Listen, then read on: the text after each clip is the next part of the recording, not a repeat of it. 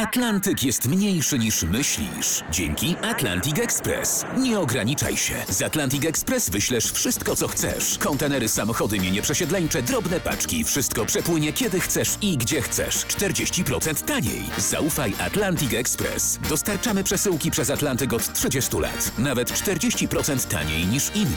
Dzwoń 1 800 775 73 63. Ekspresowo przez Atlantyk. Tylko z Atlantic Express. Kłaniam się nisko. Dzień dobry. Z nami na łączach pan generał Mirosław Różański, senator Polski 2050, były dowódca generalny rodzajów sił zbrojnych. Panie generale, dzień dobry.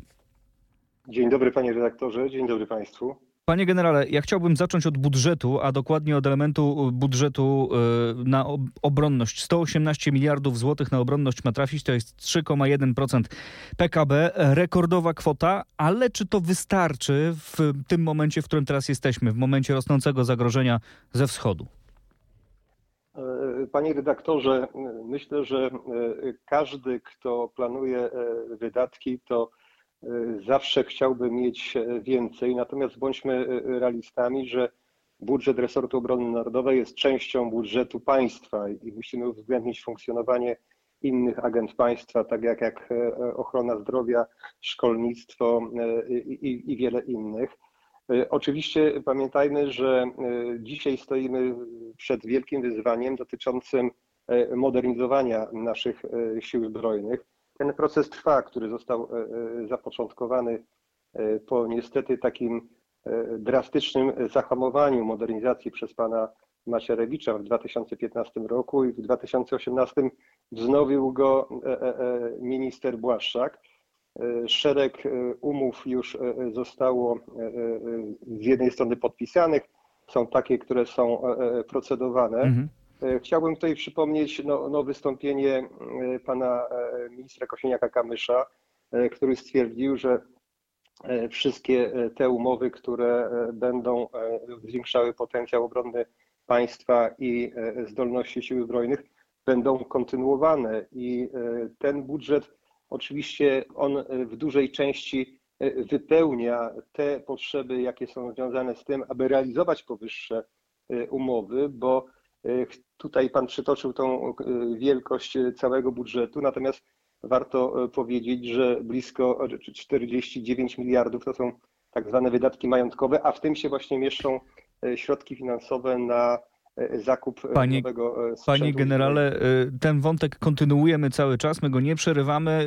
Y, Chcę tylko powiedzieć, że kontynuujemy naszą rozmowę w Radiu RMF24. Tam zapraszamy wszystkich słuchaczy RMF FM. No właśnie, panie generale, mówił pan o tej części, części budżetu. Ja chciałem zapytać tak bardziej ogólnie, znaczy mamy konkretne potrzeby, polska armia ma konkretne potrzeby, plany, które są konty- kontynuowane, ale jakie są te priorytety? Czym teraz trzeba się zająć w pierwszej kolejności? Jakie dziury trzeba najbardziej pilnie załatać, jeżeli chodzi o polską armię? Dzisiaj musimy zdać sobie sprawę z tego, e, patrząc na to, co się dzieje e, w Ukrainie, że jednym e, z największych zagrożeń, jakie może być ze strony Rosji, bo to jest kraj, który zagraża nam w tej części e, Europy, między innymi Polsce, e, to są różnego rodzaju systemy e, powietrzne, od lotnictwa poprzez systemy rakietowe e, czy, czy bezzałogowe. I priorytetem e, e, e, powinny być kwestie związane z budowaniem systemu rozpoznania i posiadania obrony powietrznej, która e, e, zabezpieczy nas nie tylko przed takimi incydentami, jak ostatnio wlot tej ra- rakiety czy upadek rakiety pod Bydgoszczą, ale sprawi, że będziemy e, bezpieczni i, i, i to e, powinno być priorytetem. Czyli obrona przeciwlotnicza to jest numer jeden, tak? który tutaj musimy Obrona rozwijać. powietrzna, tak doprecyzuję, Obrona powietrzna, bo tak. obrona powietrzna to również lotnictwo myśliwskie, bo, bo niejednokrotnie e, obrona powietrzna kojarzy się tylko i wyłącznie z tymi systemami rakietowymi, ale to jest konglomerat i tych e, systemów Patriot w dużym uproszczeniu, tego najwyższego poziomu, e, e, ale również to jest e, lotnictwo myśliwskie. Lotnictwo myśliwskie, czyli do, na przykład, rozumiem, F-35, które będą zakupione. Czy ta liczba tych myśliwców, które trafią do Polski, tych, tych samolotów, one są zresztą niez, niez, niezwykle zaawansowane technologicznie, czy to jest dla polskiej armii coś w rodzaju game changera? Czy polska armia wtedy wskakuje na wyższy poziom zdolności obronnych? To, to jest tak, że, że nie tylko siły powietrzne, ale, ale faktycznie siły zbrojne wejdą na zdecydowanie wyższy poziom. Zaawansowanie tej technologii, jaka jest umieszczona we F-35, wymuszać będzie, abyśmy system rozpoznania, system dowodzenia również w wojskach lądowych czy w marynarce wojennej, że tak powiem, przygotowali na to, aby móc w pełni wykorzystać ten E, samolot. Także absolutnie tak, to będzie przeskok technologiczny i o tym mhm. E, musimy mieć świadomość, który też nas będzie kosztował. No oczywiście, no właśnie i tu wracamy do pieniędzy, wracamy do budżetu. 3,1% e, PKB. Prawo i Sprawiedliwość, jak rządziło, to mówiło o 4% PKB. Czy rzeczywiście powinniśmy do tego dążyć, żeby z każdym rokiem te wydatki na obronność były coraz wyższe i rzeczywiście powinniśmy dążyć do tych 4%? Panie redaktorze, tak jak mówiłem na początku, pamiętajmy, mhm. że e, budżet resortu obrony narodowej jest częścią e, e, budżetu państwa.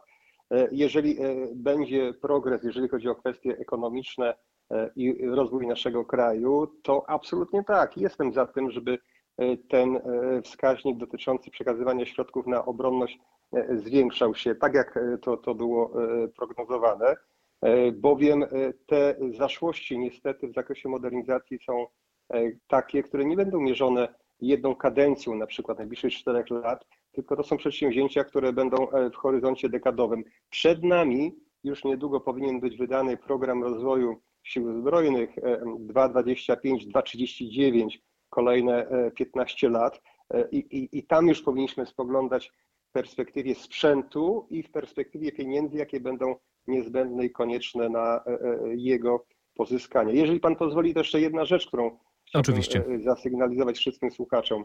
Szanowni Państwo, jeżeli mówimy o tym, że jakiś system kosztuje na przykład 24 miliardy, to pamiętajmy, że tak naprawdę jeszcze 48 miliardów trzeba przewidzieć w perspektywie na użytkowanie tego sprzętu. Zakup to jest zaledwie 1 trzecia środków, które są niezbędne i konieczne, żeby w przyszłości system był mhm. Żeby e, można się było szkolić, żeby posiadał odpowiednią ilość e, środków bojowych, czyli rakiet, amunicji e, i, i tak to wygląda. Mhm. No, faktycznie trzeba pamiętać, że, że, zakup to jest dopiero początek rzeczywiście kosztów, też kosztów e, pracy dalej, konserwacji i tak jak pan mówi, e, wszelkich potrzebnych zasobów. E, mówimy dużo o sprzęcie, panie generale, bo to rzeczywiście zaprząta nasze głowy, e, jest, e, jest dużo informacji o zakupach, jedne są mniej, drugie bardziej kontrowersyjne, a ludzie, i gdzie w tym wszystkim są ludzie? No mówi się o 300-tysięcznej armii, tak? To też jest taki jeden z flagowych pomysłów pomysłów Prawa i Sprawiedliwości. Minister Błaszczak powtarzał to kilkukrotnie.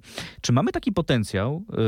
Y, a jeżeli tak, to jak długo skompletowanie takiej 300-tysięcznej rzeczywiście armii zdolnej y, do walki, do obrony nam zajmie? E, w Pana pytaniu tak naprawdę są trzy niezwykle istotne rzeczy. Zacznę od tej ostatniej. Jeżeli byśmy chcieli y, w tym trybie, który jest obecnie pozyskiwania żołnierzy, zaprojektować armię 300 e, e, tysięczną, to będzie to trwało ponad 20 e, lat. Bo te, to pojęcie pana ministra Błaszczaka, żołnierze pod bronią, jest zafałszowanym wizerunkiem potencjału, jeżeli chodzi o, o ludzi w armii. Bo jeżeli pan minister w mundury ubrał, krótko mówiąc, pomoce kuchenne, księgowe, magazynierów, czy nawet kelnerów w ośrodku ministerialnym, to, to nie wiem, czy to jest właściwy e, kierunek. Mhm. Po drugie, e, odnoszę wrażenie, że pan minister Błaszczak chyba nie brał pod uwagę kwestii demograficznych. Nasze społeczeństwo, e, no, no, no niestety, ale, ale starzeje się. I czy aby wszyscy powinni założyć mundury, mam do tego daleko idącą wątpliwość. Natomiast, panie redaktorze, ja w tych takich dyskusjach przywołuję taki bardzo głośny, chociaż u nas troszeczkę zapomniany, e, wywiad e, z szefem sztabu, a raczej głównodowodzącym w Ukrainie, generałem Załużnym dla brytyjskiego Economist. I on mówił tam o tym, że, że ta wojna będzie wygrana, jeżeli nastąpi przełom co najmniej tak jak niegdyś wymyślenie prochu. Co, co mam na uwadze? Jeżeli na przykład, będę przywoływał, pan minister Błaszczak uważał, że symetrycznie można przeciwstawić się Rosji budując 300 tysięczną armię, że na przykład Rosja będzie miała przygotowane tam około miliona żołnierzy, my Mhm. będziemy mieli jedną trzecią, bo teoria mówi, że w obronie można mieć jedną trzecią e, do, w obronie i ona będzie skuteczna, no to jest wielkie nieporozumienie, bo, bo technologia, e, zaawansowanie e, nowych systemów to jest e, uzyskanie przewagi nad e, przeciwnikiem. Krótko od mówiąc, czasu- stawiamy nie na liczebność, tylko na to, byśmy byli jak najlepiej technologicznie przygotowani, tak, żeby nadgonić A- tą, tą różnicę, która jest między nami a, a potencjalnym przeciwnikiem, tak? Pa- Panie e, redaktorze, żeby, żeby e, zobrazować, podam taki przykład, chyba myślę, będzie on, on, on bardzo komunikatywny. O Hajmarsach prawie wszyscy wiemy, że takie są, że to są super wyrzutnie i tak dalej. I do obsługi te, tej wyrzutni jest potrzebnych trzech żołnierzy. Mhm. Tak? Natomiast e, my mamy swoje wyrzutnie, langusty, do których obsługi jest potrzebnych pięciu żołnierzy. Tak? I Mhm. parametry e, e, Hajmarsa są dużo lepsze od e, e, naszej wyrzutni Langusta, nawet strzelające pociskami Feniks, a gdzie jest pięciu żołnierzy. Więc e, e, zdajmy sobie sprawę z tego, że nie ilość, a jakość jest niezwykle e, e, istotna. E, I ja jednak bym e, skłaniał e, wszystkich tych, którzy będą myśleli o, o przyszłości e, polskiej armii, o bezpieczeństwie, ażebyśmy szli jednak w kierunku tej e, e, przewagi ilość, nie ilościowej, a, a jakościowej. I na to nas stać, e, bo zaawansowana technologia jest możliwą. Mamy wspaniałych, że tak powiem, inżynierów, informatyków nawet w kraju, tylko powinniśmy otworzyć się na ich wiedzę i potencjał. Panie generale, jeszcze jest jedna niezwykle istotna kwestia i wojna w Ukrainie nam to pokazuje jak na dłoni. To znaczy obrona cywilna, sieć miejsc e, albo wiedza o miejscach, w których e, cywile mogą się schronić w przypadku ataków rakietowych na różnego rodzaju miasta. No w Ukrainie ten system jest dobrze rozwinięty, sytuacja go wymusiła, zresztą mm, oni nie od, mm, nie od 24 lutego 2022 roku e, wiedzieli, że Rosja jest dla nich gigantycznym zagrożeniem i, byli w konflikcie, więc przygotowywali się na to. E, Są aplikacje na telefony, które pokazują, gdzie są schrony. Są aplikacje, które nawet przy wyłączonym telefonie e, nadają dźwięk alarmowy w, w wypadku nalotu. No, to jest chyba coś, o czym trzeba myśleć, tak? To znaczy, ja mam też wrażenie, że tego nie ma, że ludzie nie wiedzą, gdzie mogliby się schronić, gdyby nagle odezwały się syreny e, wzywające ich do, do, do, do, do szukania schronienia. E, Czy to jest e, priorytet, nad którym trzeba pracować? E, W, w swoim e, programie, który przygotowałem, Bezpieczeństwo naprawdę, jest jeden z zapisów taki bardzo krótko brzmiący. Pilnie odtworzyć obronę e, cywilną. I to mógłby być najkrótszy komentarz do tego, co Pan powiedział. Mhm. E, Natomiast e, chcę zwrócić uwagę na jedną rzecz. E, e, Ustawa wprowadzona w 2023 roku w marcu, e, ustawa o obronie ojczyzny, tak naprawdę formalnie skasowała obronę e, cywilną, bo w poprzedniej ustawie e, dokładnie było opisane, e, jak ma, że tak powiem, być zorganizowana, jak ma funkcjonować e, obrona cywilna. E, e, Obrona cywilna e, jest immanentną częścią zapewnienia żywotności e, państwa w sytuacji kryzysu czy e, wojny. E, I e, ja już wstępnie e, rozmawiałem i wiem, że w Ministerstwie Spraw Wewnętrznych e, i Administracji będą podejmowane takie e, działania, aby e, tą obronę cywilną odtworzyć. Może nie w tym wymiarze, jak chciał to zrobić e, e, pan minister Kamiński, który e, stworzyłby kolejną jakąś taką formułę bardziej inwigilowania ludzi niż Mhm. im pomagania. Natomiast jeżeli chodzi jeszcze o obronę cywilną, to chciałbym na, na dwie rzeczy zwrócić uwagę. Po pierwsze, ta, która była w Polsce ówcześnie zaprojektowana, ona stwarzała formułę taką, że ktoś, kto nie chciał pójść do wojska, mógł, krótko mówiąc, zgłosić się do tejże i tak odbywał e, służbę wojskową.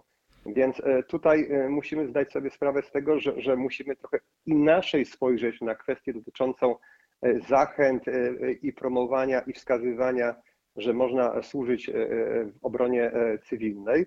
Natomiast dobrym rozwiązaniem jeszcze ówcześnie było to, że obronę cywilną tak naprawdę organizowano na wszystkich szczeblach e, administracji i rządowej, i samorządowej, ale również e, e, z obronę cywilną mogły organizować zakłady pracy. A myślę, że są takie, jak, jak chociażby jedna czy druga petrochemia, te, te duże giganty nasze przemysłowe. Panie generale, powoli musimy kończyć, więc prosiłbym tak o skończenie myśli, bo, bo będziemy musieli kończyć nasz program.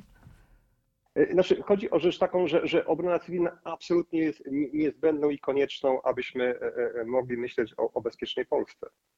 Generał Mirosław Różański był naszym gościem dziś, senator Polski 2050, były dowódca generalny rodzajów sił zbrojnych. Panie generale, bardzo panu dziękuję za tę rozmowę. Dziękuję panie redaktorze, dziękuję państwu. Do usłyszenia.